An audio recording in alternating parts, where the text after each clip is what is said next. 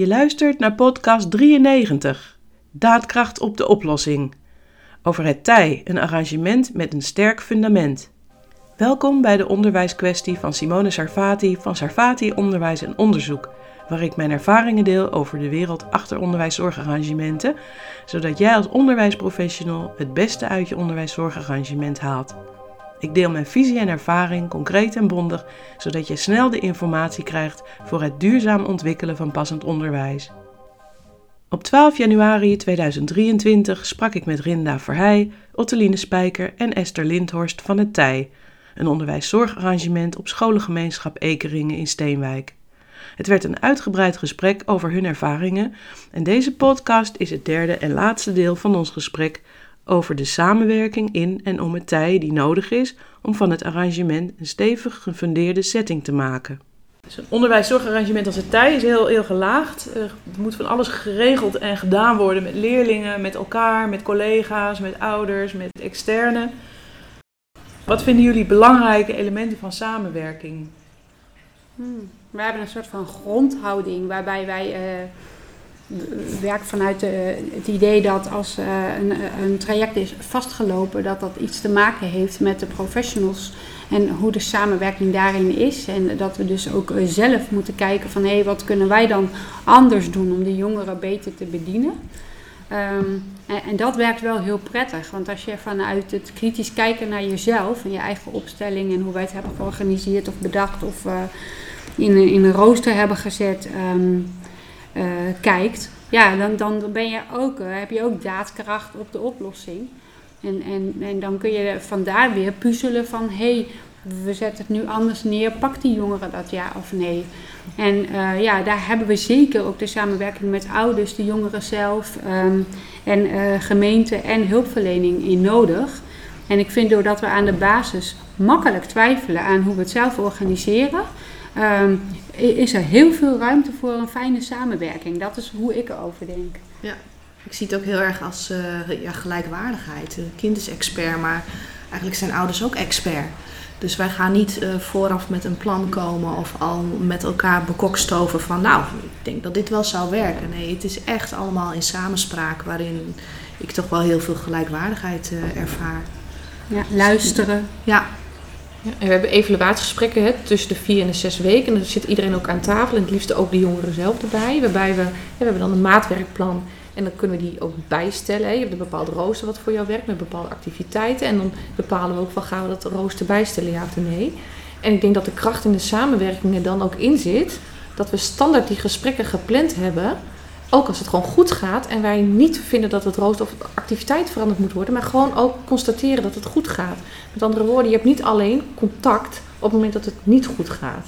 Dus op die manier bouw je ook aan relatie, waardoor op het moment dat het iets minder goed gaat, je ook met elkaar eerlijk dat gesprek aan kan gaan. Want je hebt op heel veel soorten momenten een gesprek en contact. Dus dan is er ook ruimte voor heel veel openheid, heb ik, ervaar ik ik denk dat we, de, dat we ons vergissen in hoe vaak juist altijd het contact is over de momenten waarop het niet goed gaat. En dat je dat niet alleen moet willen. En dat is denk ik ook van onze kracht. Dat we heel, nou, dat we heel bewust dat we inderdaad opzoeken die momenten om ook uh, te vieren. Ja. Uh, door, door, door het jaar heen. Maar, en dat zijn dan de kleine telefoontjes. Ja, dat dat ja, doen de mentoren doen dat al heel bewust uh, na de dagen dat het ook goed ging. Ja. Of appen tussendoor. Of van, uh, nou ook, want je merkt dan, hè, want dat vertelde jij al van, nou ja, wat is de opbrengst voor ouders?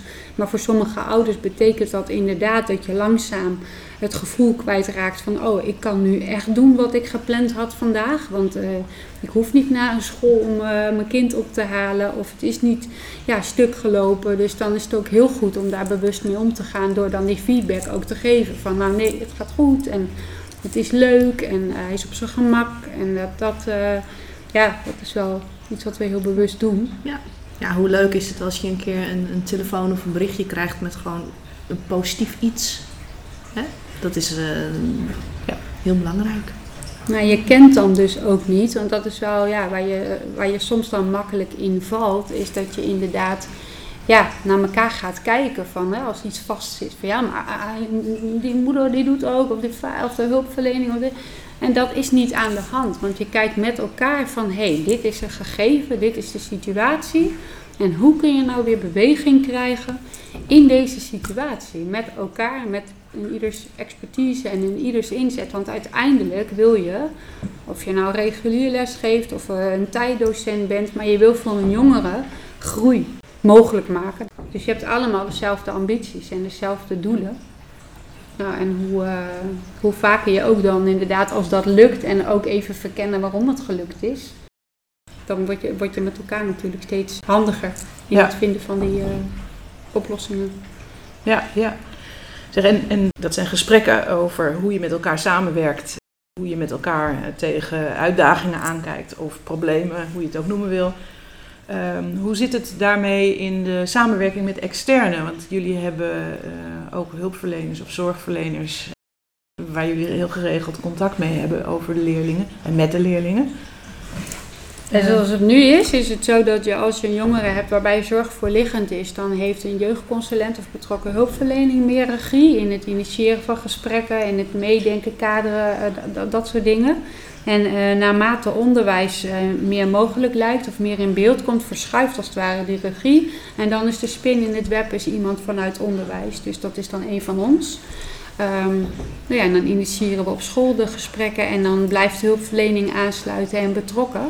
Maar dan eh, denk je meer vanuit een onderwijssetting op voor eh, ja, perspectief.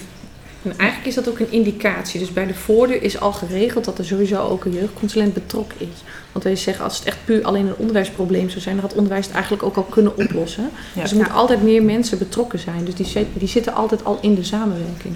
Ja, ja. En ik vind de, de, de jeugdconsulent en de hulpverlening eh, zijn erg betrokken. Ja. Al vanaf het begin. Maar je merkt ook wel dat het eigenlijk alleen nog maar beter is geworden naarmate het tij meer naamsbekendheid kreeg. En eh, dat de jeugdconsulenten en de betrokken hulpverleners ook meerdere trajecten hebben kunnen volgen. Hè, dat ze weten van, oh, het is niet gek als er eh, wekelijks eventjes contact gezocht wordt. Want het is een tijleerling, dus dan is er vaker contact. Of eh, dat ze vaker aanschuiven bij gesprekken. Dus dat wordt voor de, de externe betrokkenen ook steeds meer eh, gewoon. En dat verloopt goed. Ja. Ah, dat is mooi om te horen. Dus dat door de bekendheid met de werkvorm, de, de werkwijze, gaan ook de externe in, in die systematiek mee eigenlijk, hoor ik je zeggen. Ja. Ja. Ja. ja. Nou, en we hebben natuurlijk wel voorheen over gehad van hoe wil je dat gaan doen. Hè? Wil je gaan proberen om met een vaste jeugdconsulent en een vaste hulpverlening, jeugdhulpverlening te gaan werken binnen het tij? Ehm, o- of moeten we dat anders organiseren? We hebben ervoor gekozen om die kinderen te volgen en om te kijken wat er al in gang is gezet. Ook omdat je een regionale functie hebt rondom de jongeren heen. En eh, ik vind het heel erg meevallen hoe groot dat netwerk moet worden. Want je hebt dan toch eh, uiteindelijk wel vaak met dezelfde mensen te maken. En begin je steeds meer inderdaad elkaar te kennen in wat je te bieden hebt en mogelijkheden en dat soort dingen. Dus ik ben wel heel blij omdat we dat eh, hebben aangedurfd om zo complex mensen daarin mee te Maar nemen. het is ook wel echt een onderdeel van de intake kennismaking. Hè? Wat eh, Esther ook vertelde, dat het best wel lang duurt. Dat heeft ook met dit stukje te maken. Dus dat je eerst die samenwerking gewoon al op poot hebt van tevoren al. Ja, ja. Het is een heel gefaseerd proces, hè? Waarin er echt goed de ruimte eh, wordt genomen in tijd en energie ook. Om al deze wegen bij elkaar te brengen, hoor ik jullie vertellen. Na al die jaren nog steeds. Dus het gaat wel ook nog door, hè? Ja, en hulpverlening heeft natuurlijk ook enorm belang bij om deze leerlingen op deze plek te hebben en te houden. Omdat het anders een thuiszittende leerling is, waardoor de hulpverlening weer meer moet gaan ingezet gaan worden. Dus het is natuurlijk ook wel in het belang van eh, hulpverleners dat het dus slaagt.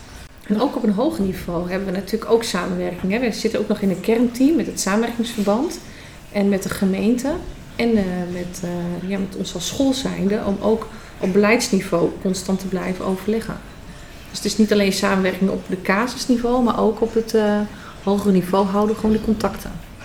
Precies, dus de een soort parallel eh, orgaan, Ja. kan ik het zo noemen, om de, de voortgang van het proces te bewaken met elkaar in, in samenwerking. Ja. Ja. ja. En daar zitten jullie allemaal bij. De gedragswetenschapper, de coördinator, samenwerkingsverband en iemand van de gemeente Ja. zit Ja. daarbij. Onze afdelingsleider. Ja. Oké. Eh, dat is ook een stukje borging waarschijnlijk van, van dat de dingen lopen en een stukje verantwoording. Ja. Ja, ja en ook, uh, uh, ik denk dat het ook, die verbinding ook super belangrijk is om te blijven kijken of je nog steeds het aanbod bent op de vraag die er is op dat moment. Of dat je daarin ook met elkaar nog weer moet gaan verschuiven. Want het is toch een initiatief wat het, is voortgekomen uit een tendens die we constateren. En wellicht verandert dat ook weer. Ik denk ook juist dat de gemeente ons heel erg scherp houdt op het feit dat je niet helemaal een echt puur een onderwijsarrangement wordt. Dus die komt elke keer ook heel duidelijk dan met het stukje zorg weer. Ook in beleid. Ja, ja. ja helder. Aanhaken van de gemeente bij het arrangement zoals het nu is opgezet, is dus belangrijk om je scherp te houden op het onderdeel zorg. Is er nog een andere meerwaarde? Ja, zeker wel. Ik vind ook ehm, de verbinding met onderwijs en hulpverlening uh, is dan ook heel lekker via de gemeente. Want dan heb je dus een andere uh, invalshoek waarbij je soms dan, nou ja, als er verwachtingen zijn over weer vanuit onderwijs of hulpverlening, dan kan een andere partij kan daar ook neutraal in, in meedenken, meebewegen of advies geven. En dat, uh, nou, dat kan soms ook uh, lucht geven in, in een casus. Vooral ook omdat de gemeente natuurlijk eigenlijk weer opdrachtgever is voor het stukje hulpverlening. Ja, ja. ja precies. Ja, dus precies. dat helpt wel heel erg. Ter afsluiting van ons gesprek vertelt Rinda Verheij hoe het onderwijszorgarrangement het TIJ is gaan heten en waar dat voor staat. Waarom heet het TIJ het TIJ? Rinda, jij hebt ooit de naam bedacht voor dit onderwijszorgarrangement. Kan jij toelichten hoe je daar uh, toe bent gekomen? Wat, waar staat het TIJ voor? Nou, het TIJ staat voor uh, het durven stilstaan. En uh, kijken wat daar de opbrengsten van kunnen zijn. Om even pas op de plaats te maken en te kijken van, nou ja, wat is hier aan de hand? En um, wat heb ik nu nodig en wat werkt wel en niet voor mij? Um, want wij krijgen bij intakes of bij uh, mensen die contact zoeken, dan, dan, ja, dan voel je soms de druk van hè, wat moet ik nu en wat ga ik nu en uh, wat is mogelijk. En ja, zie je toch dat mensen zo snel mogelijk weer door willen naar um, uh, het vervolg. En, en, en of ze al jaren aan het afronden zijn en in welke klasse zitten en dat soort dingen. Terwijl we nu merken door, de, door de dossiers die we al hebben mogen oppakken dat het heel goed is om eerst te kijken van hé, hey, wat maakt dat ik ben komen stilvallen. Uh, hè, dat, ik uh, thuiszitter ben. En um, hoe, hoe kan ik weer uh, in beweging komen, maar ook blijven. En van daaruit weer verder bouwen. Pas als het weer, ja, als je weer die energie daar ook voor hebt. Dus vandaar het tij. Het droogvallen, stilvallen tijdens de appstroom geeft je inzicht in hoe de geulen lopen. Zichtbaar wordt welke mogelijkheden er liggen om vooruitgang te boeken, je toch te kunnen voortzetten. En met deze inzichten weet je je tijdens vloed beter te redden en voorkom je vastlopen. En dat is de tijd. Dankjewel voor deze mooie beeldspraak. Ja. Dank jullie wel voor dit gesprek. Er is nog veel meer over te vertellen, maar we zijn al zo lang bezig hieraan. Maar ik denk dat, we, dat het jullie hier toch gelukt is om heel kernachtig de, ja, de meerwaarde, de, ja, de, de valkuilen ook eigenlijk uh, te verwoorden. Dus uh, nogmaals dank voor jullie tijd. Tot zover het derde en laatste deel van mijn gesprek met het tijdteam, waarin we met elkaar spraken over de essentiële samenwerking met betrokkenen van dit thuiszittersarrangement. Als je nieuwsgierig bent geworden naar deze intensieve aanpak om het fundament van je onderwijszorgarrangement te versterken, of naar onafhankelijke procesbegeleiding of monitoronderzoek, kijk dan op simonesarvati.nl en neem contact op om te sparren over de mogelijkheden bij jou op school of binnen jullie schoolorganisatie. Informatie over het TIJ, monitoring van onderwijszorgarrangementen en procesbegeleiding vind je in de links onder deze podcast op mijn website simonesarvati.nl. Sarvati met PH en IE. Een hartelijke groet en ik hoop je snel te ontmoeten. Bedankt voor het luisteren naar de onderwijskwestie. Deze podcast wordt gemaakt door Simone Sarvati, zodat jij geholpen wordt bij de ontwikkeling van je onderwijszorgarrangement. Wil je meer informatie? Bezoek dan mijn website Denk jij nu, er moet echt iets veranderen aan mijn arrangement en ik kan wel wat hulp gebruiken of een luisterend oor? Vraag dan een gesprek aan via de contactpagina van mijn website simonesarvati.nl. Hopelijk tot de volgende keer.